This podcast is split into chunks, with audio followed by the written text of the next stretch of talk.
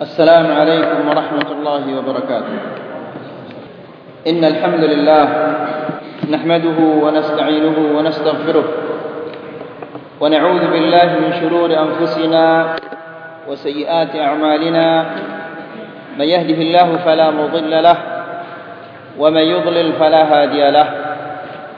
أشهد أن لا إله إلا الله وحده لا شريك له. وأشهد أن محمدا عبده ورسوله. يا أيها الذين آمنوا اتقوا الله حق تقاته ولا تموتن إلا وأنتم مسلمون. يا أيها الناس اتقوا ربكم الذي خلقكم من نفس واحدة وخلق منها زوجها وبث منهما رجالا كثيرا ونساء. واتقوا الله الذي تساءلون به والأرحام إن الله كان عليكم رقيبا. يا أيها الذين آمنوا اتقوا الله وقولوا قولا سديدا. يصلح لكم أعمالكم ويغفر لكم ذنوبكم. ومن يطع الله ورسوله فقد فاز فوزا عظيما. أما بعد فإن أفضل الكلام كلام الله وخير الهدى هدى محمد صلى الله عليه وسلم وشر الأمور محدثاتها فإن كل محدثة بدعة. وكل بدعة ضلالة وكل ضلالة في النار أخواني وأخوات في الدين عزكم الله Bapak-bapak dan ibu-ibu yang dirahmati Allah Alhamdulillah Kita memuji Allah subhanahu wa ta'ala Atas limpahan rahmahnya dan karunia-Nya Sehingga kita dapat berkumpul kembali Di salah satu rumah Allah subhanahu wa ta'ala untuk mengkaji firman-firman Allah serta memahami hadis-hadis Rasulullah sallallahu alaihi wasallam. Akhwani fi din azzakumullah. Zaman kita ini adalah zaman fitnah. Sebagaimana yang dijelaskan oleh Rasulullah sallallahu alaihi wasallam bahwa fitnah ini akan bertubi-tubi seperti bagian-bagian malam. Maka jarang atau tidak ada seorang muslim bisa selamat dari fitnah-fitnah ini illa man rahimallah. Di zaman fitnah ini kita membutuh untuk mengenal fitnah itu.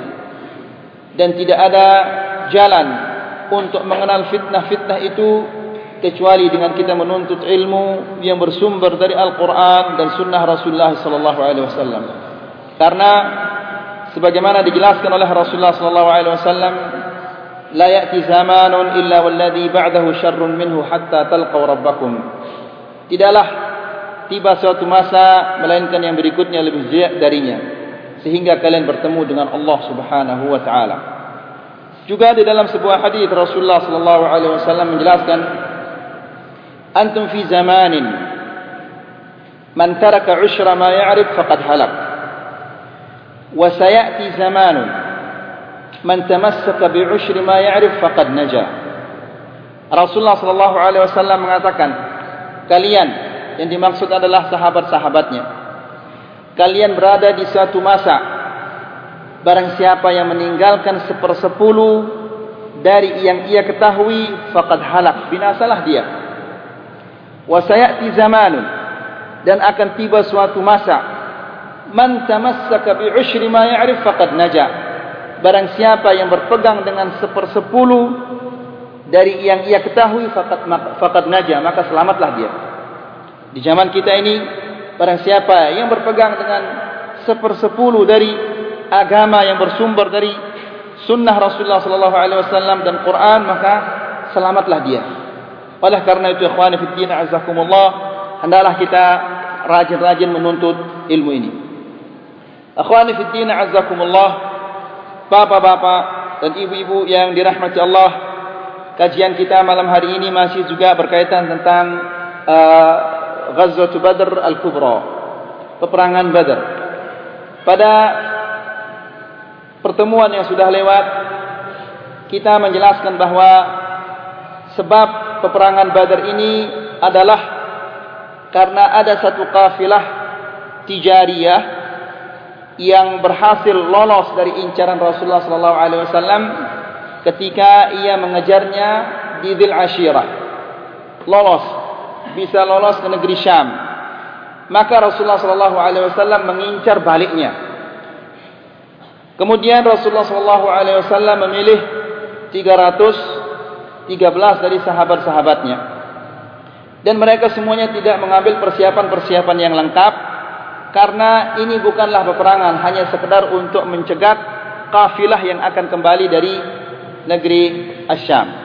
Kemudian Rasulullah sallallahu alaihi wasallam menjadikan benderanya warna putih. Kemudian juga kita menjelaskan bahwa bendera yang putih ini dibawa oleh Mus'ab ibn Umair. Orang muhajirin mempunyai bendera juga yang dibawa oleh Ali bin Abi Talib. Juga Al-Ansar memiliki bendera yang dibawa oleh Sa'd bin Mu'ad. Kemudian kita menjelaskan bahawa kafilah ini lagi-lagi bisa lolos dari incaran Rasulullah sallallahu alaihi wasallam karena pemimpin kafilah ini adalah Abu Sufyan, dia sangat uh, waspada. Dia selalu bertanya kepada orang yang ditemukan di tengah jalan, apakah ada kamu lihat tentara-tentara atau pasukan-pasukan orang Madinah? Mereka mengatakan tidak ada. Namun suatu saat dia bertanya kepada seseorang, lalu orang itu mengatakan, "Iya, saya lihat ada dua orang yang menghentikan kendaraannya kemudian dia minum lalu dia pergi. Maka Abu Sufyan ini mendatangi tempat itu lalu yang ditemukan adalah kotoran-kotoran onta. Maka kotoran-kotoran onta ini diperiksa oleh Abu Sufyan dan dia mengatakan wallahi hadza alaifu al-Madinah atau Yathrib. Demi Allah ini adalah apa? Uh, rumput-rumput atau makanan-makanan binatang ternak dari Madinah. Yakni ini adalah mata-matanya Muhammad sallallahu alaihi wasallam maka dia rubah arah kafilah ini ke arah Jeddah sehingga dia tidak melewati Madinah. Kemudian setelah dia selamat kafilah ini maka dia mengirim surat kembali kepada penduduk Mekah untuk kembalilah ke Mekah kalian. Ya, namun Abu Jahal dia menolak. Dia mengatakan harus kita sampai ke Badar kemudian kita menginap di sana tiga hari tiga malam. Kita minum khamar kita menyembelih onta-onta ini kemudian kita kasih orang makan kemudian kita apa dinyanyikan oleh wanita-wanita supaya semua bangsa Arab mendengar bahwa kita telah datang ke sini ke kota Badar sehingga mereka akan takut kepada kita. Kemudian kita menjelaskan juga bahwa peperangan Badar ini dimulai dengan apa? Al-Mubarazah. Satu lawan satu. Kemudian juga kita menerangkan bagaimana uh, Abu Jahal dibunuh oleh dua anak muda. Sampai di sana kajian kita kita lanjutkan malam hari ini yaitu Yaumul Furqan. Badar ini juga dinamakan Yaumul Furqan. Kanat hadhihi al-ma'raka ma'rakatun bainal kufri wal iman. Peperangan Badar ini adalah peperangan antara kekufuran dan keimanan. Qatala fiha ar-rajulu ammahu wa abah. Di peperangan Badar itu seseorang itu dia perang melawan pamannya atau bapaknya yang jadi musuhnya adalah pamannya atau yang jadi musuhnya itu adalah bapaknya sendiri. Jadi dia bunuh bapaknya atau dia bunuh pamannya. Sebagaimana yang terjadi dengan siapa?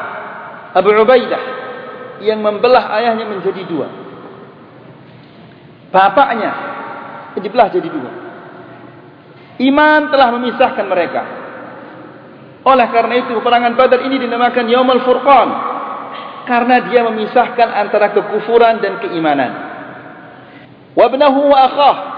Terkadang orang itu dia berperang, dia duel melawan anaknya atau dia perang melawan saudaranya.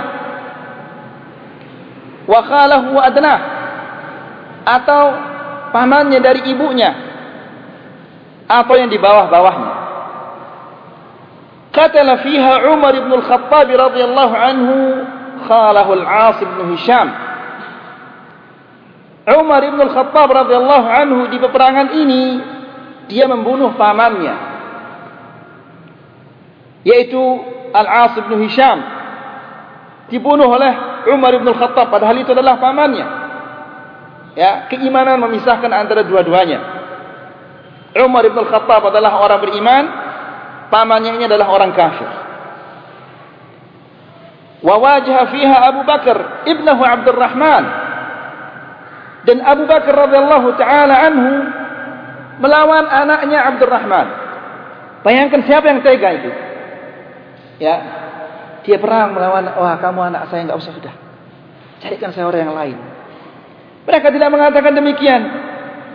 Umar bin Khattab pamannya dibunuh. Wa fiha al-muswa asara fiha al-muslimun al-Abbas. Dan orang-orang muslimin menawan pamannya Rasulullah sallallahu alaihi wasallam yaitu Al-Abbas. Wa huwa ammu Rasulullah sallallahu alaihi wasallam. Padahal dia adalah pamannya Rasulullah sallallahu alaihi wasallam. Wa hakadha inqata'at fiha silatul qarabah. Di peperangan ini terputuslah tali kekeluargaan. Tidak ada lagi paman saya, tidak ada lagi bapak saya, tidak ada lagi saudara saya. Kalau dia kafir tidak beriman kepada Allah, dia harus mati. Ya. Wa a'la Allah fiha kalimatul iman ala kalimatul kufr.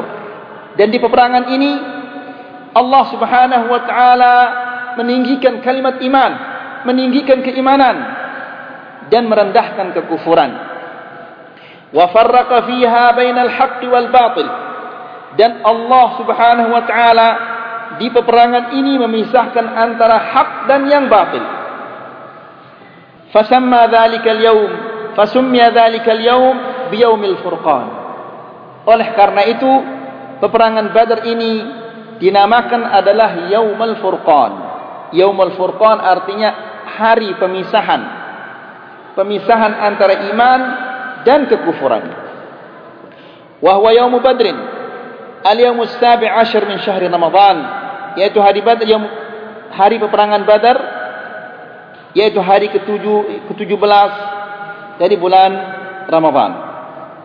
Kemudian Akhwani fi din azzakumullah Qatla al-fariqain Orang-orang yang terbunuh dari dua belah pihak di perangan ini Qutila fi hadhihi al-ma'rakah 14 rajulan min al-muslimin Di peperangan ini 14 dari kaum muslimin terbunuh. Sittatun min al-muhajirin Enam di antaranya adalah dari kalangan muhajirin. Wa thamaniyatun minal ansar. Dan delapan dari kalangan al ansar wa dafan wa dufinu fi sahati badrin. Wa maqabiruhum la tazalu ma'rufah yang empat belas ini mereka dikuburkan di medan badr di lapangan badr. Dan kuburnya sampai sekarang masih ada yang empat belas ini. Amal musyrikun. Adapun orang-orang musyrikin faqutila minhum sab'un. Terbunuh dari mereka adalah 70 wa usira sab'un. Dan yang tertawan 70 wa mu'dhamuhum kanu min as-sanadid dan sebagian besar dari orang yang tertawan dan yang terbunuh ini adalah min as-sanadid orang-orang pembesar-pembesar pembesar-pembesar Quraisy وقد سحبت جثة أربعة وعشرين منهم من صناديدهم وقذفت في قليب في قليب khabithin mukhabbathin fi badr 24 dari bangkai-bangkai mereka ini ditarik, digeret, kemudian dibuang di, di sumur yang ada di badr dalam keadaan busuk dibuang ke dalam sumur itu. Wa aqama Rasulullah sallallahu alaihi wasallam fi Badr thalathata ayyam. Setelah kemenangan itu Rasulullah sallallahu alaihi wasallam menginap di Badar tiga hari. Ista'adda lirruju'i ja'a lilqalib wa qama ala syafatih. Dan ketika Rasulullah sallallahu alaihi wasallam sudah bergegas untuk kembali ke kota Madinah, dia datang ke sumur tempat orang-orang kafir itu dibuang, tempat bangkai-bangkai orang kafir itu dibuang. Lalu dia berdiri di sumur itu, wa nadahum bi asma'ihim wa asma'i abaihim. Dan mereka dipanggil satu persatu nama mereka dan nama orang tua mereka. Dipanggil oleh Rasulullah sallallahu alaihi wasallam. Ya fulan ibn fulan, ya fulan ibn fulan. Ayasurrukum annakum ata'tumullah wa rasulah? Mengapa kalian tidak mengikuti Allah dan Rasulnya? Atau kalian akan bahagia jika kalian mengikuti taat kepada Allah dan Rasulnya? Fa inna wajadna ma wa'adana rabbuna haqqan. Fa hal wajadtum ma wa'adakum rabbukum haqqan? Sesungguhnya kami telah menemukan, kami telah menerima apa yang dijanjikan kami oleh Allah Subhanahu wa taala dengan benar. Apakah kalian juga menemukan apa yang telah dijanjikan kalian oleh Allah Subhanahu wa taala dengan benar? Faqala lahu Umar. Lalu Umar bin Khattab mengatakan, "Ya Rasulullah, ma tukallimu ajsadan la la, arwah fi la arwah laha." Ya Rasulullah, mengapa engkau berbicara dengan badan-badan yang tidak memiliki nyawa? Qal maka Rasulullah sallallahu alaihi wasallam mengatakan ma antum bi asma'i lima aqulu minhum walakin la yujibun wahai Umar kalian tidaklah lebih mendengar daripada mereka. Artinya mereka juga mendengar seperti kalian.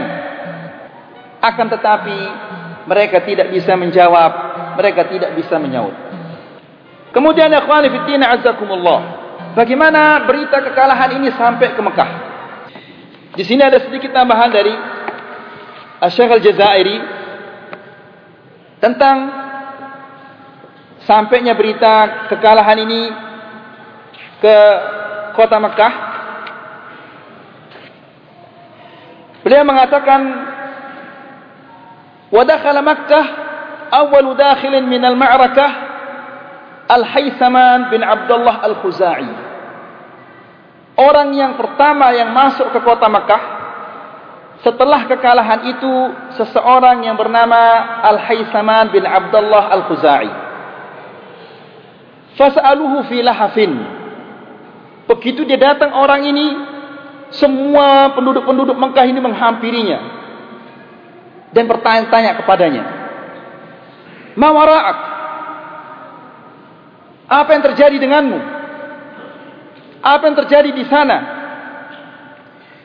Qal maka dia mengatakan qutila Utbah wa Syaibah wa Abu Hakam wa Umayyah bin Khalaf orang ini mengatakan telah terbunuh Utbah, telah terbunuh Syaibah, telah terbunuh Abdul Hakam dan telah terbunuh pula Umayyah bin Khalaf. Wa Zum'ah bin Al-Aswad juga Zum'ah bin Al-Aswad telah terbunuh. Wa Nabih wa Munabbih Abu wa Abu Al-Bukhtari. Nabih dan Munabbih dan Abu Al-Bukhtari semua sudah mati. Semua ini adalah pembesar-pembesar Quraisy. Falamma akhadha yu'addidu ashraf Quraisy, ketika dia menyebut nama-nama pembesar-pembesar Quraisy yang sudah mati ini di saat itu ada Safwan bin Umayyah wa huwa qa'idun fil hijri dia duduk di al-hijr al-hijr itu adalah apa setengah lingkaran yang di depan Ka'bah itu. Safwan Ibnu Umayyah sedang duduk di sana dan dia mendengar apa yang diucapkan oleh Al-Haysaman ini. Wallahi ma yaqilu hadha. Fas'aluhu anni. Dia mengatakan demi Allah. Safwan Ibnu Umayyah ini mengatakan demi Allah. Orang ini tidak sadar atau orang ini sedang stres. Dia tidak tahu apa yang diucapkan. Coba kalian tanyakan siapa saya untuk memastikan bahwa orang ini benar-benar sadar atas apa yang diucapkan atau tidak. Qal fas'aluhu anni. Coba tanya dia orang ini siapa saya. Faqalu ma fa'ala Safwan bin Umayyah. Lalu mereka bertanya kepada orang ini, apa yang dilakukan oleh Safwan bin Umayyah? Faqal lalu menjawab, "Ha huwa dzaka jalisun fil hijri." Safwan ibn Umayyah itu dia. Dia duduk di dalam apa? Di Al-Hijr. Berarti orang ini benar-benar apa? Sadar. Dia tidak apa? Dia tidak stres atau tidak terganggu jiwanya. Wa qad ra'aitu abahu wa akhahu hina qutila. dan saya melihat bapaknya dan saudaranya terbunuh. Kemudian wal nasma ila Abi Rafi' maula Rasulullah sallallahu alaihi wasallam yuhaddithu bi naba'il bihazimatil musyrikin fayaqul Mari kita dengarkan Abu Rafi' budak Rasulullah sallallahu alaihi wasallam sudah dimerdekakan ini dia bercerita tentang masuknya atau sampainya berita kekalahan ini ke kota Makkah. Fayaqul, "Kuntu ghulaman lil Abbas." Saya adalah ghulam, seorang pembantu atau seorang budak untuk Al-Abbas, pamannya Rasulullah sallallahu alaihi wasallam. Wa kana Abu Lahab qad takhallafa an Badr. Abu Lahab itu sebagaimana kita jelaskan kemarin dia tidak ikut serta di peperangan Badar ini. Wa ba'atha makanahu al-'As bin Hisham. Dan dia mengutus sebagai penggantinya adalah Al-'As bin Hisham, yaitu siapa? Pamannya Umar bin Al-Khattab sebagai penggantinya, penggantinya Abu Lahab. Falamma ja'ahu al-khabar aqbala yajru rijlaihi bi syarrin. Ketika dia mendengar mendengar berita kekalahan itu, dia datang tergesa-gesa. Abu Lahab ini hatta jalasa ala tunub hijrati hijrati Zamzam sehingga dia duduk di dekat sumur Zamzam. Fabainama huwa jalis ketika ia duduk idh qala an-nas hadha Abu Sufyan ibn hadha Abu Sufyan ibn al-Harith qad qadim tiba-tiba terdengar suara Abu Sufyan ibn al-Harith telah tiba Fama in ra'ahu hatta qal halumma ilayya. Begitu dia melihat Abu Sufyan ibn al-Harith sehingga dia mengatakan halumma ya kemarilah kemarilah kau. La amri indaka al-khabar. Demi Allah kamu ini yang membawa berita yang benar. Fajalasa ilaihi wan nasu qiyaman alaihi. Maka duduklah dia Abu Sufyan ibn al-Harith ini dan orang lain orang-orang yang lain ini berdiri. Faqala lahu ya ibn akhi akhbirni kaifa kaifa kana amrun nas wahai anak saudaraku beritahulah aku bagaimana kejadian badar itu faqal lalu dia mengatakan wallahi ma huwa illa an laqaina alqaum famanahnahum aktafana yaqtulunana kaifa sya'u dia mengatakan demi Allah baru saja kami memulai pertempuran itu tiba-tiba mereka ini membunuh kami semau-maunya. Ya. Kaifa sya'u wa ya'sirunana kaifa sya'u dan mereka menawan kami semau-maunya ya wa imallah ma'a dhalika malumtun nas Demi Allah, saya tidak menyalahkan mereka. Laqad laqina rijalan bidan ala khailin bulqin baina as-sama'i wal ard. Dia mengatakan kami ini memerangi rijalan laki-laki bidan putih-putih ala ala khailin bulqin. Mereka menunggang kuda putih yang bercampur dengan apa? Hitam. Baina samai wal ard. Antara langit dan bumi. Wallahi ma tuliqu syai'an wa la yaqumu laha syai' demi Allah. Mereka tidak menyisakan apa-apa dan tidak ada seorang pun yang berani melawan mereka ya qala Abu Rafi' ketika Abu Rafi' ini mendengar kata-kata itu Qultu tilka wallahi malaikah. Dia mengatakan, demi Allah itulah malaikat. Marah Abu Jahal ini, Abu Lahab ini marah dia mendengar kata-kata itu. Farafa Abu Lahab yadahu. Fadaraba biha wajhi darbatan syadidah. Maka Abu Lahab ini marah dia. Kemudian dia mengangkat tangannya dan dia menampar wajah saya dengan keras. Wasawartuhu fahtamalani fadaraba bi al-ard. Kemudian saya membuatnya marah. Kemudian dia ngamuk, maka dia mengangkat saya dan menjatuhkan saya di tanah. Summa baraka alayya yadribuni. Kemudian dia duduk di atas dada saya, kemudian dia memukuli saya. Oleh Abu Lahab. Faqamat Ummul Fadl lalu tibalah datanglah Ummul Fadl. Seorang wanita. datanglah Ummul Fadl. Ila amudin min umudi al-hujrah dia mencabut salah satu tiang-tiang yang ada di sekitar Ka'bah itu. Fa'akhadathu fadarabathu bihi darbatan syaqqat ra'sahu. Wanita ini mengambil tiang itu kemudian memukul kepalanya Abu Lahab dengan keras sehingga sobeklah kepalanya. Wa qalat istad'aftahu an ghaba anhu sayyiduhu?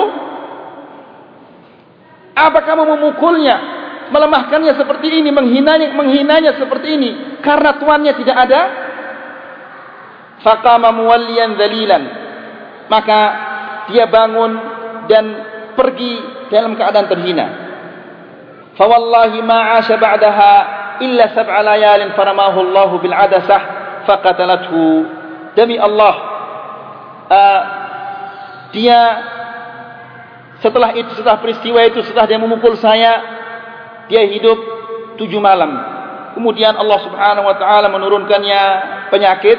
Maka dia mati dengan penyakit itu. Hadi wahidatun min sadal hazimah. Ini salah satu bentuk pengaruh-pengaruh dari kekalahan itu. Gambaran yang lainnya. Wahia anna Quraisyan lamma fuji'at bil karitati syadidah.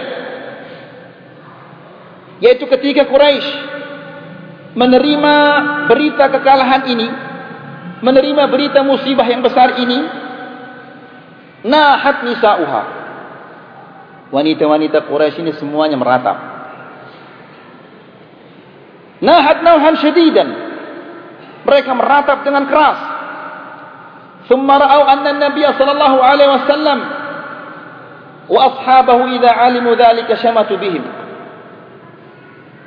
Dan mereka mengatakan ini kalau kita meratap terus maka sahabat-sahabatnya Rasulullah sallallahu alaihi wasallam atau orang-orang Islam yang tersisa ini akan mengetahui nanti kalau kita ini kalah meratap atas kekalahan kita fasadara amrun biman'in niyaha maka dikeluarkanlah suatu perintah perintah larangan untuk meratap tidak boleh meratap Siapa-siapa yang mati saudaranya dia tidak boleh meratap. Kalau mati bapaknya juga tidak boleh meratap. Pokoknya meratap tidak boleh. Ini apa perintah dari pembesar-pembesar Quraisy, tidak boleh meratap. Bi mufadatil asra khasyata an yughali Muhammadun wa ashabahu fi thamanil fida. Dan tidak boleh meminta tebusan atau memberi tebusan supaya jangan Rasulullah sallallahu alaihi wasallam itu mengangkat harta mengangkat uh, bayaran tebusan ini. Wa min gharibi ma hafal di antara keanehan-keanehan yang terjadi itu al-Aswad bin Abdul Muttalib qad usiba lahu thalathatun min waladihi. Al-Aswad bin Abdul Muttalib ini ada tiga anak yang terbunuh di Badr. Ya, yaitu Zum'ah dan Uqail wal Harith. Tiga anaknya terbunuh di Badr. Fa'ahabba an yabki. Dia ingin menangisi anaknya yang terbunuh ini. Tiga-tiganya mati di Badr. Dia ingin menangis. Wahala duna dhalika qararul man'i alladhi sadara an Quraisy. Akan tetapi sudah diperintahkan oleh pembesar Quraisy bahwa tidak boleh apa? Tidak boleh meratap, tidak boleh menangis. Sementara dia kepingin sekali menangisi anaknya, kan dia sedih. Tiga anaknya mati di Badr. Fabainama huwa kadzalik. Idza sami'a na'ihatan min al-lail. Di saat dia sedang menahan ingin menangis namun dia tahan tangisnya itu, tiba-tiba di tengah malam dia mendengar seorang wanita menangis. Ya. Tanuhu. Di tengah malam dia mendengar seorang wanita menangis. Faqala li ghulamihi Lalu dia mengatakan kepada pembantu-pembantunya, "Idhab fanzur hal uhillan nahr." Coba kamu keluar lihat. Cari informasi sana. Jangan-jangan kita sudah diizinkan untuk menangis. Ya. Jangan-jangan kita sudah diizinkan untuk meratap. Maka pergilah dia pembantunya ini atau pebudaknya ini. Ayhal bakat Quraisy ala qatlaha? Apakah sudah dibolehkan kita untuk menangisi orang-orang yang terbunuh? Apakah Quraisy sudah mulai menangis? La'alli la'alli abki ala Abi Hakimah, yakni waladahu Zum'ah, fa inna jawfi qad ihtaraq. Siapa tahu izin untuk menangis telah dibolehkan. Karena saya ingin menangisi anak saya Abu Hakimah yaitu Zum'ah. Karena hati saya ini sudah terbakar kesedihan atas kematian tiga anak saya itu. Wa'adal ghulam. Anak itu apa? Budak ini keluar untuk mencari informasi. Tidak lama kemudian kembalilah dia budak ini. Faqala lahu lalu budak ini mengatakan innal baqi imra'atan tabki ala ba'irin laha qad adallathu oh yang menangis itu adalah seorang wanita. Dia kehilangan ontanya. Bukan dia ada keluarganya mati. Tapi dia kehilangan ontanya. Lalu dia mengucapkan beberapa bait syair juga ada di sana di Ar-Rawdul Anwar. Atabki an yadhilla laha ba'irun wa yamna'uha min an-nawm as-suhud. Apakah dia menangis karena hilang ontanya? Dan dia tidak bisa tidur di malam hari? Fala tabki ala Bakrin walakin ala Badrin taqasaratil jududu. Janganlah kamu menangisi Bakr. Akan tetapi tangisilah Badr karena upaya kita tidak membuahkan apa-apa di Badr itu. Itulah tangisi, jangan tangisi onta. Ya, Itulah kemudian amma ahlul Madinah adapun penduduk Madinah faqad arsala ilaihim Rasulullah sallallahu alaihi wasallam basyirain Rasulullah sallallahu alaihi wasallam mengutus dua orang untuk membawa kabar gembira ini ke kota Madinah yaitu Abdullah bin Rawahah ila al-Aliyah wa Zaid bin Harithah ila al-Safilah Abdullah bin Rawaha ke bagian atas. Kemudian Zaid bin Harithah bagian bawah. Yani dari ujung ke ujung. Kana al-yahud qad arjafu fil Madinah. Bid'ayatin kadhibah. Orang Yahudi sebelum berita ini tiba, berita kemenangan ini tiba, mereka sudah menyebarkan berita-berita bohong. Ya. Tentang kekalahan kaum muslimin, Falamma wasala naba'ul fathi ammatil farhatu was surur. Ketika berita kemenangan ini sampai ke kota Madinah, maka kegembiraan meledak di sana sini. Wahtazatil Madinah tahlilan wa takbiran.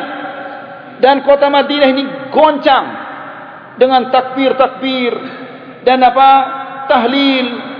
Ya, bukan tahlilan. Tahlil yang la ilaha illallah. Bukan dengan tahlilan. Wa taqaddama ru'usul muslimina ila tariq Badrin yuhanniuna Rasulullah sallallahu alaihi wasallam. Dan pembesar-pembesar kota Madinah ini datang ke jalan menuju Badar itu, mereka menyambut Rasulullah sallallahu alaihi wasallam dan mengucapkan kepadanya kata-kata selamat atas kemenangannya itu. Kemudian Ar-Rasul sallallahu alaihi wasallam di Madinah.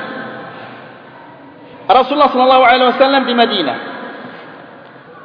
تقدم الرسول صلى الله عليه وسلم إلى المدينة متوجا بنصر الله رسول الله صلى الله عليه وسلم tiba ke kota Madinah dengan suatu kemenangan yang luar biasa mutawaj yani memakai taj memakai mahkota mutawajan wa ma'ahu al-ghanaim wal asara dan dia membawa harta rampasan perang dan tawanan-tawanan falamma wasala qariban min as-safra ketika dia sampai di sebuah tempat yang namanya safra nazala hukmul ghanimah. Di sana di tempat itu Allah Subhanahu wa taala menurunkan hukum-hukum yang berkaitan tentang harta rampasan perang. Fa akhadha minha al-khums. Rasulullah sallallahu alaihi wasallam mengambil seperlima dari harta rampasan perang itu. Wa qassamaha sawiyan bainal ghuzat.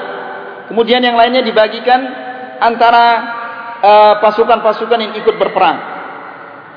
Falamma halla bis Safra amara amara bi qatl An-Nadhr ibn al-Haris. Setibanya di Safra itu Rasulullah sallallahu alaihi wasallam memerintahkan untuk membunuh An-Nadhr ibn al-Haris. Fadaraba 'unuqahu Ali ibn Abi Talib. Maka dia dipenggal, dipotong lehernya oleh Ali ibn Abi Talib.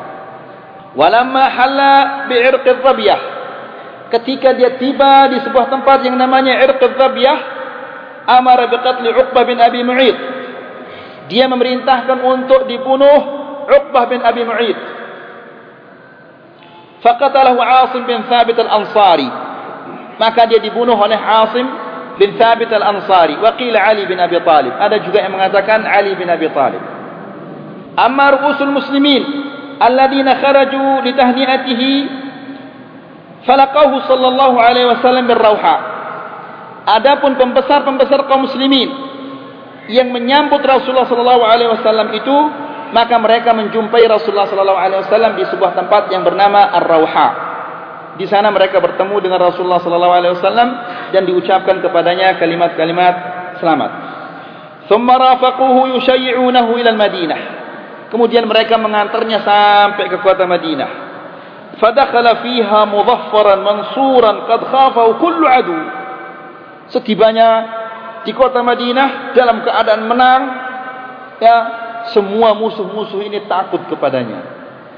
Wa aslama bashirun katsirun wa tadhahara Abdullah bin bin Ubay wa zumala'ahu bil Islam. Adapun Abdullah bin Ubay ini maka dia berpura-pura dia dan kawan-kawannya ini berpura-pura masuk Islam. Akhwani fi din azakumullah. Syekh Bakar Al-Jazair juga membawakan beberapa hal-hal yang penting yang terjadi di Badar ini yang berkaitan tentang beberapa orang. Di antaranya adalah Fida'u Abi Wada'ah. Tebusan Abi Wada'ah. Laqad usira Abu Wada'ah As-Sahmi fi man usira fil ma'rakah. Abu Wada'ah ini adalah salah seorang yang tertawan di peperangan Badar. Falamma ra'ahu an-nabiy sallallahu alaihi wasallam aw sami'a sami'a bihi annahu dhimna al-asra ketika Rasulullah sallallahu alaihi wasallam melihatnya atau dia mendengar bahawa dia termasuk orang yang tertawan qala fidahu abi wa ummi Maka Rasulullah sallallahu alaihi wasallam mengatakan bapak saya dan ibu saya menjadi tebusannya. Ini adalah kata-kata yang diucapkan kepada orang-orang yang terhormat. Padahal ini orang kafir. Ya, namun diucapkan demikian karena Rasulullah sallallahu alaihi wasallam ibu bapaknya orang kafir juga. Ya, sehingga dia mengatakan fidahu abi wa ummi, ibu bapak saya menjadi tebusannya. Padahal ini adalah orang kafir. Namun dia mengatakan demikian karena bapaknya Rasulullah sallallahu alaihi wasallam dan ibunya juga kafir. Inna lahu bi Makkah ibnan kayisan tajiran dha malin wa ka'annakum bihi wa qad ja'akum fi talab fida'i abih. Orang ini mempunyai anak yang pintar. Dia adalah pedagang yang sukses, memiliki harta dan dia akan datang anaknya itu akan datang untuk menebus bapaknya. ولما قالت قريش لا تعجلوا بفداء أسراكم لا يأرب عليكم محمد وأصحابه ketika Quraisy mengatakan mengumumkan jangan kalian tergesa-gesa untuk menebus tawanan-tawanan kalian ya jangan-jangan Muhammad akan menaikkan harga tebusannya nanti qala al-Muttalib bin Abi Wada'ah al-Muttalib bin Abi Wada'ah itu mengatakan anaknya itu mengatakan sadaqtum la ta'jalu. Benar kalian, jangan tergesa-gesa. Akan tetapi, wan sallahu wa lailan. Ketika malam hari tiba dia keluar diam-diam dari kota Mekah itu, faqadimal Madinah. Dan dia datang ke kota Madinah, fafada walidahu bi arba'ati alaf dirham. Maka dia tebus ayahnya. Yaitu 4000 4000 dirham ditebus ayahnya. Wa hakadha yaf'alu al-aqyasul bararah bi abaihim. Demikianlah orang-orang yang pintar yang berbakti kepada orang tuanya selalu melakukan demikian. Yaitu selalu menolong orang tuanya. Ini menunjukkan betapa baktinya dia kepada ayahnya. Ya, padahal di, di Mekah sudah diumumkan tidak boleh tergesa-gesa jangan kalian tergesa-gesa untuk membayar tebusan di malam hari dia keluar ke kota Madinah untuk menebus bapaknya wa sadaqa Rasulullah sallallahu alaihi wasallam fima akhbara bihi jadi benar apa yang dikatakan oleh Rasulullah sallallahu alaihi wasallam kemudian juga Abu Al-As bin Rabi' Abu As bin Rabi' ini adalah khatamun Nabi sallallahu alaihi wasallam. Menantunya Rasulullah sallallahu alaihi wasallam. Id huwa zawj Zainab binti Rasulullah sallallahu alaihi wasallam. Dia adalah suaminya Zainab. Putri Rasulullah sallallahu alaihi wasallam. Zawajahu iyyahu qabla al-bi'tsah an-nabawiyyah. Biragbatin min walidatiha Khadijah. Dia dinikahkan Zainab ini dinikahkan kepada Abu Al-As ini sebelum dia diutus menjadi nabi qabla al-bi'tsah atas keinginan Khadijah radhiyallahu taala anha ولما بعث النبي صلى الله عليه وسلم آمنت خديجة وكذا بناتها ومنهن زينب ketika Rasulullah sallallahu alaihi wasallam diutus maka Zainab beriman kepada Rasulullah sallallahu alaihi wasallam Demikian juga semua putri-putrinya termasuk Zainab ini juga masuk Islam. Wa baqiya Abu Al-As ala syirkihi. Akan tetapi suaminya yaitu Abu Al-As bin Rabi ini tetap dalam keadaan apa? Musyrik. Wa kharaja ma'al musyrikin ila Badr. Dan dia keluar bersama orang-orang musyrikin pada peperangan Badar. Ikut di kalangan kaum musyrikin pada peperangan Badar. Fawaqa'a fil asri. Maka tertawanlah dia. Menantunya Rasulullah sallallahu alaihi wasallam ini ditawan. Fab'at fab'athat Zainab fi fida'ihi bimalin wa ba'ath fihi biqiladatin kanat Khadijah adkhalatha biha ala Abi al-As. Zainab ini mengetahui suaminya tertawan, maka dia mengumpulkan beberapa uangnya dan kalungnya yang diberikan oleh Khadijah radhiyallahu taala anha pada malam ad-dukhlah. Apa malam dukhlah bahasa? Ya ini ketika pengantin itu bertemu di malam pertamanya itu. Jadi dihiasi dia sama Khadijah Termasuk salah satu hiasannya adalah apa kalung diberikan kepada Zainab ini. Jadi dia kumpulkan uangnya Kemudian juga apa kalungnya yang diberikan sama Khadijah itu Dikirim kepada Rasulullah SAW untuk menembus suaminya. Falamma ra'aha Rasulullah sallallahu alaihi wasallam raqqaha raqqalaha riqqatan shadidah Ketika Rasulullah sallallahu alaihi wasallam melihat uang dan apa kalung yang dari Khadijah ini hatinya terharu sangat terharu. Melihat apa kalung yang di yang dikirim oleh putrinya itu. Waqal lalu dia mengatakan irra'aitum an tutliqu laha asiraha wa taruddu 'alaiha malaha faf'alu. Kalau kalian bisa membebaskan tawanannya yaitu suaminya dan mengembalikan hartanya maka lakukanlah na'am ya rasulullah wa atlaquhu wa raddu 'alaiha alladhi laha. Lalu sahabat-sahabat ini membebaskan Abu Al-As bin Rabi' ini uh, dan harta yang dikirim tadi tidak jadi mereka mengambil dikembalikanlah dikembalikan kepadanya lagi.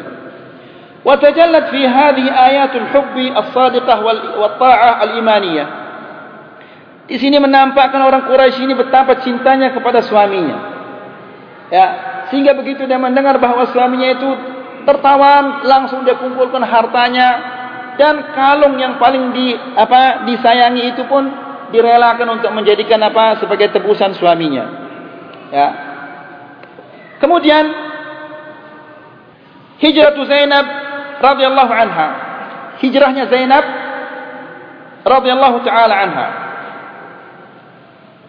Lama manna Nabi sallallahu alaihi wasallam ala Abi As bil fida' duna muqabil. Setelah Rasulullah sallallahu alaihi wasallam membebaskan Abu Al-As ini yang ini menantunya tanpa tebusan iltazama lin Nabi sallallahu alaihi wasallam an yukhalliya sabila Zainab. Dia berjanji untuk membebaskan Zainab. Yani dilepaskan Zainab. Ya. Litalhaqa bi abiha bil Madinah Nabawiyah. Supaya dia membiarkan Zainab ini mengikuti ayahnya di kota Madinah. Wa min huna lamma wasala Abu al-As ibn Rabi' ila Makkah. Oleh karena itu, begitu Abu al-As bin Rabi' ini tiba di kota Makkah, ba'atha Rasulullah sallallahu alaihi wasallam Zaid bin Harithah wa rajulan min al-Ansar. Rasulullah sallallahu alaihi wasallam mengutus Zaid bin Harithah dan salah seorang dari kalangan Al-Ansar ke Mekah untuk membawa Zainab ke kota Madinah. Wa qala lahumā kunā bi batni Ya'jaj hatta tamurra bikuma Zainab fatashabaha hatta ta'tiyani biha. Maka Rasulullah sallallahu alaihi wasallam berpesan kepada kedua orang ini, kalian pergi ke kota Mekah sampai ke sebuah tempat yang namanya Ya'jaj. Di sana kalian tunggu dia Zainab. Nanti dia datang Zainab itu kemudian kalian bawa dia kemari yaitu ke Madinah. Fa kharaja makanahuma. Wa dhalika ba'da syahrin ba'da badrin bi syahrin takriban peristiwa ini yaitu satu bulan setelah peristiwa badr.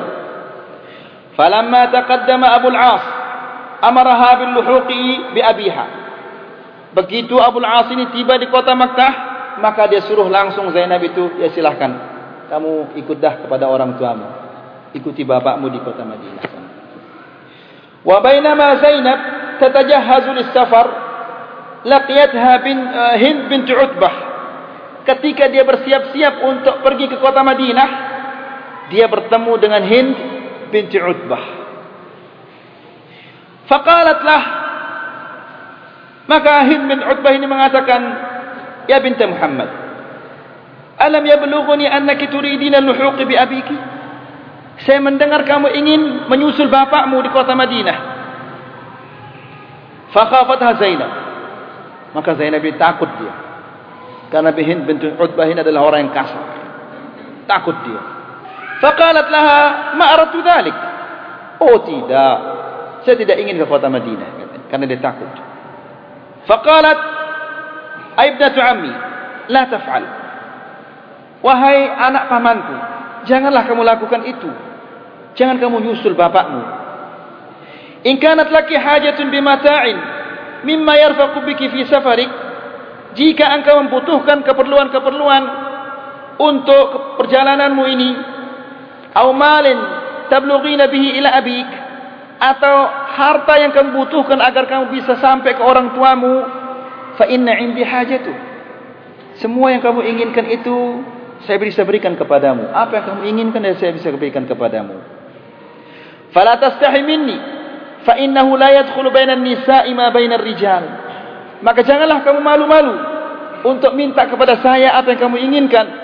Ini dipujuk supaya dia jangan apa? Ke Madinah. Qalat Zainab, "Wallahi ma araha qalat dhalika illa taf'al." Demi Allah, saya tahu dia dia akan melaksanakan apa yang diucapkan itu.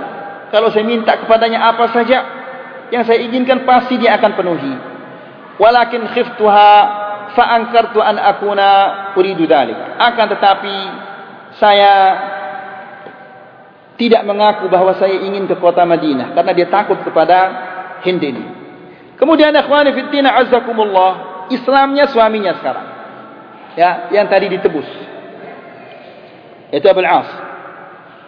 Dia adalah orang yang jujur, yang amanah. Qabla bagaimana Islamnya Abu Al-As ini, menantunya Rasulullah sallallahu alaihi wasallam ini? Qabla fath Makkah, kharaja Abu Al-As bin Rabi' ba'lu Zainab binti Rasulullah sallallahu alaihi wasallam al-muhajira ila ila abiha bil Madinah, kharaja tajiran ila Syam. Suatu hari sebelum pembebasan kota Makkah, Abu Al-As ini dia keluar dari kota Madinah untuk berniaga ke negeri Syam. Wa kana rajulan ma'muman, ma'muman. Ya'khudhu amwala arbabil amwal wa yattajiru fiha. Dan dia ini adalah orang yang terpercaya dan orang yang amanah. Ya, dipercayai oleh orang Quraisy untuk uh, membawa harta mereka berniaga ke negeri Syam.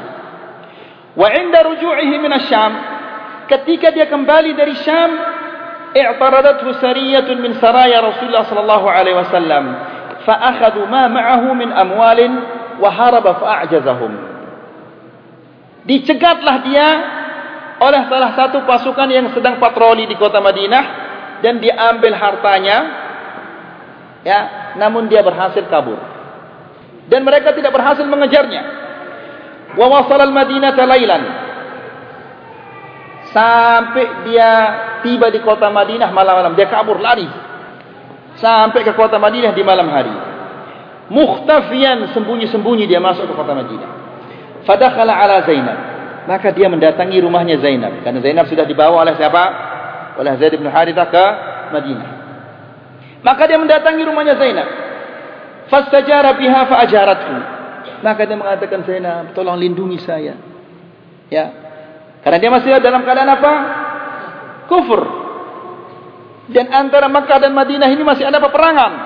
Bisa saja kalau dilihat sama orang-orang muslimin di kota Madinah dia akan dibunuh. Maka dia datang ke kota Madinah malam-malam dan mendatangi rumahnya Zainab dan minta dilindungi oleh Zainab. Fa'ajarathu. Dia mengatakan, saya lindungi kamu. Waqad ja'a fi talabi malihi. Dan dia datang ke kota Madinah juga untuk mencari hartanya. Karena itu bukan hartanya dia. Hartanya orang Quraisy yang diambil oleh apa tentara yang patroli ini. Falamma kharaja Rasulullah sallallahu alaihi wasallam li salati subuh. Ketika Rasulullah sallallahu alaihi wasallam keluar untuk salat subuh, wa kabbara fiha wa kabbara an-nas ma'ahu. Dan setelah dia mengatakan Allahu akbar dan semua orang bertakbir, sarakat Zainab fi saffatin nisa. Zainab ini teriak di saf para wanita. Ayuhan nas, inni qad ajartu Abul As bin Rabi'. Ayuhan nas, katanya, kata Zainab ini. Wahai manusia, inni qad ajartu Abul As. Saya telah melindungi Abul As. Ini di saat semua orang sedang solat ini. Sudah takbir orang. Dia teriak. Mengatakan, Ayuhan nas, wahai manusia-manusia, dengarlah. Saya telah melindungi Abul As ini. Falamma sallama Rasulullah sallallahu alaihi wasallam min as-salat. Setelah Rasulullah sallallahu alaihi wasallam salam dari salatnya itu aqbal 'ala nas Dia menghadap ke orang-orang ini. Faqal, lalu dia mengatakan, "Ayuhan nas, hal sami'tum ma sami't?" Apakah kalian mendengar juga apa yang saya dengar tadi? Faqalu na'am.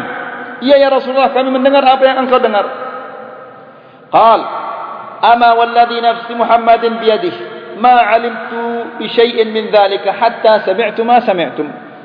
Demi zat yang nyawaku berada di tangannya, aku tidak mengetahui tentang tentang hal itu sama sekali sehingga aku mendengar apa yang kalian dengar. Artinya ini bukanlah rancangan dari Rasulullah sallallahu alaihi wasallam dia tidak tahu tentang Abu Al-As ini sama sekali ya Innahu yujiru 'alal muslimina adnahum. Kalian telah mengetahui bahwa seorang muslim sekalipun dia paling rendah, dia boleh melindungi siapa-siapa. Dan siapa-siapa yang dilindungi oleh orang itu tidak boleh diganggu. Thumma sarafa Rasulullah sallallahu alaihi wasallam fadakhala 'ala ibnatihi. Kemudian Rasulullah sallallahu alaihi wasallam keluar dari masjid dan dia masuk ke rumahnya Zainab. Faqal, "Ay bunayya, akrimi mathwahu." wahai putriku berbuat baiklah kepadanya wala yakhlasanna ilaiki fa innaki la tuhillina lah dan jangan sampai ia mendekatimu karena engkau ini tidak halal untuknya thumma ba'atha rasulullah sallallahu alaihi wasallam ila afrad as-sariyah faqala lahum inna hadha ar-rajulu minna haythu qad alimtum lalu rasulullah wasallam memanggil pasukan yang patroli yang mengambil hartanya itu. Dan dia mengatakan, kalian kan tahu bahwa saya ada hubungan keluarga dengan orang ini, yaitu dengan Abu Al-As. Karena ini Abu Al-As ini adalah apa? Menantunya.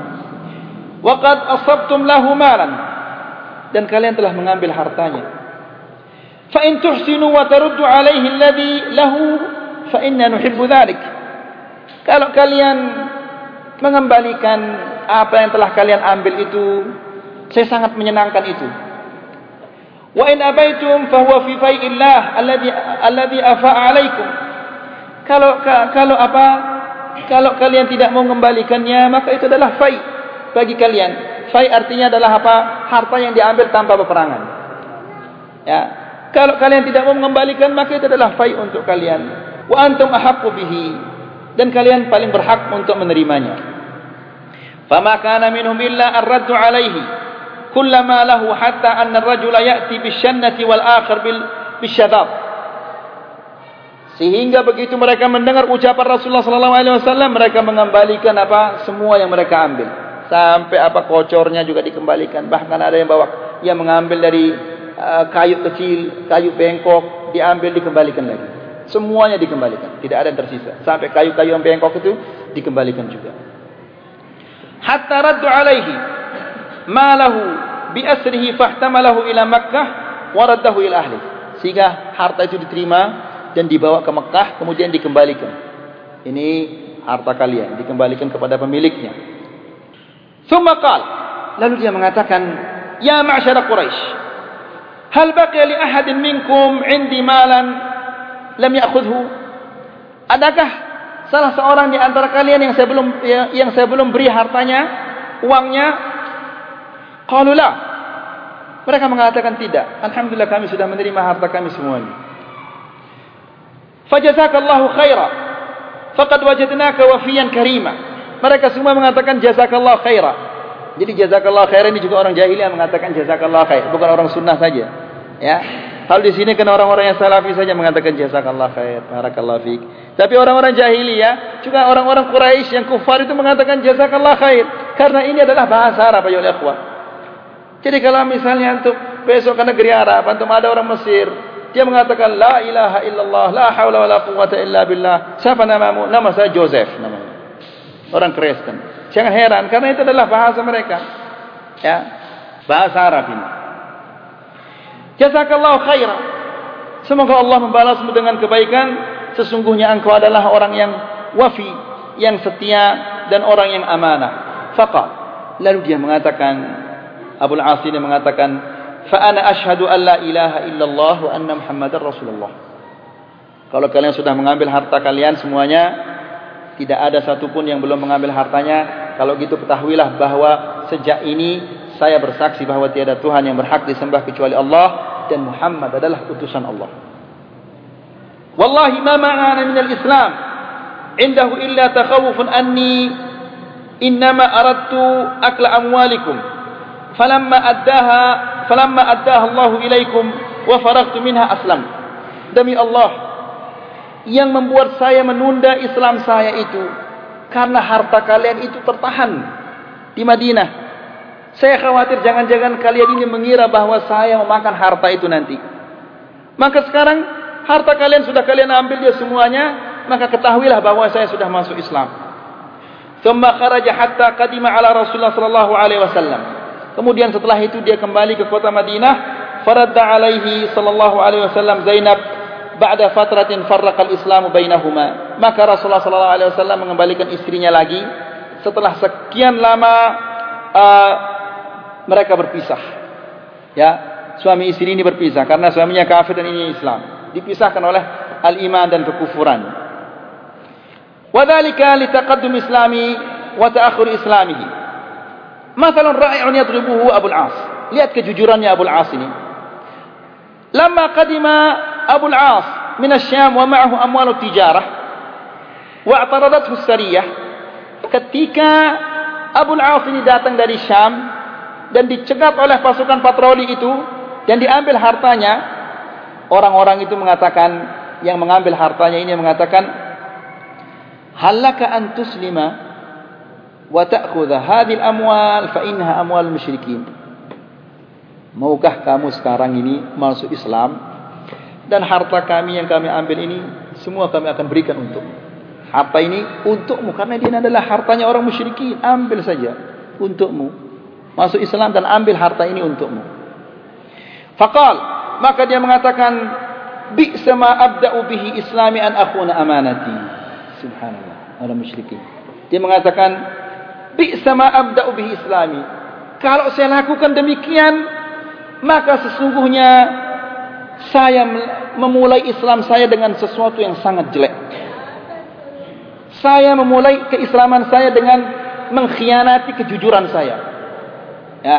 Jadi orang kafir juga menjunjung tinggi kejujuran ya kawan. Ya. Farafada al-muqtarah. Maka dia tolak harta itu. Saya tidak mau ini. Saya tidak mau memulai Islam saya dengan apa? Mengkhianati keamanahan saya. Wa kana alladhi kan wa wasala Makkah wa adda al-amwal wa hiya amanatun fi dhimma fi dhimmatihi. Kemudian dia datang ke Mekah sebagaimana kita ceritakan setelah itu dia bagikan harta kembalikan harta-harta ini kemudian dia setelah harta ini semuanya dikembalikan kepada pemiliknya barulah dia masuk Islam. Hanya ini yang dapat kita sampaikan. InsyaAllah kita lanjutkan pada kajian yang akan datang. Mudah-mudahan semua ini bisa menambah keimanan kita dan ketakwaan kita. Dan bisa pula menambah kejujuran kita. Wa akhiru da'wana anilhamdulillahi rabbil alamin. Wassalamualaikum.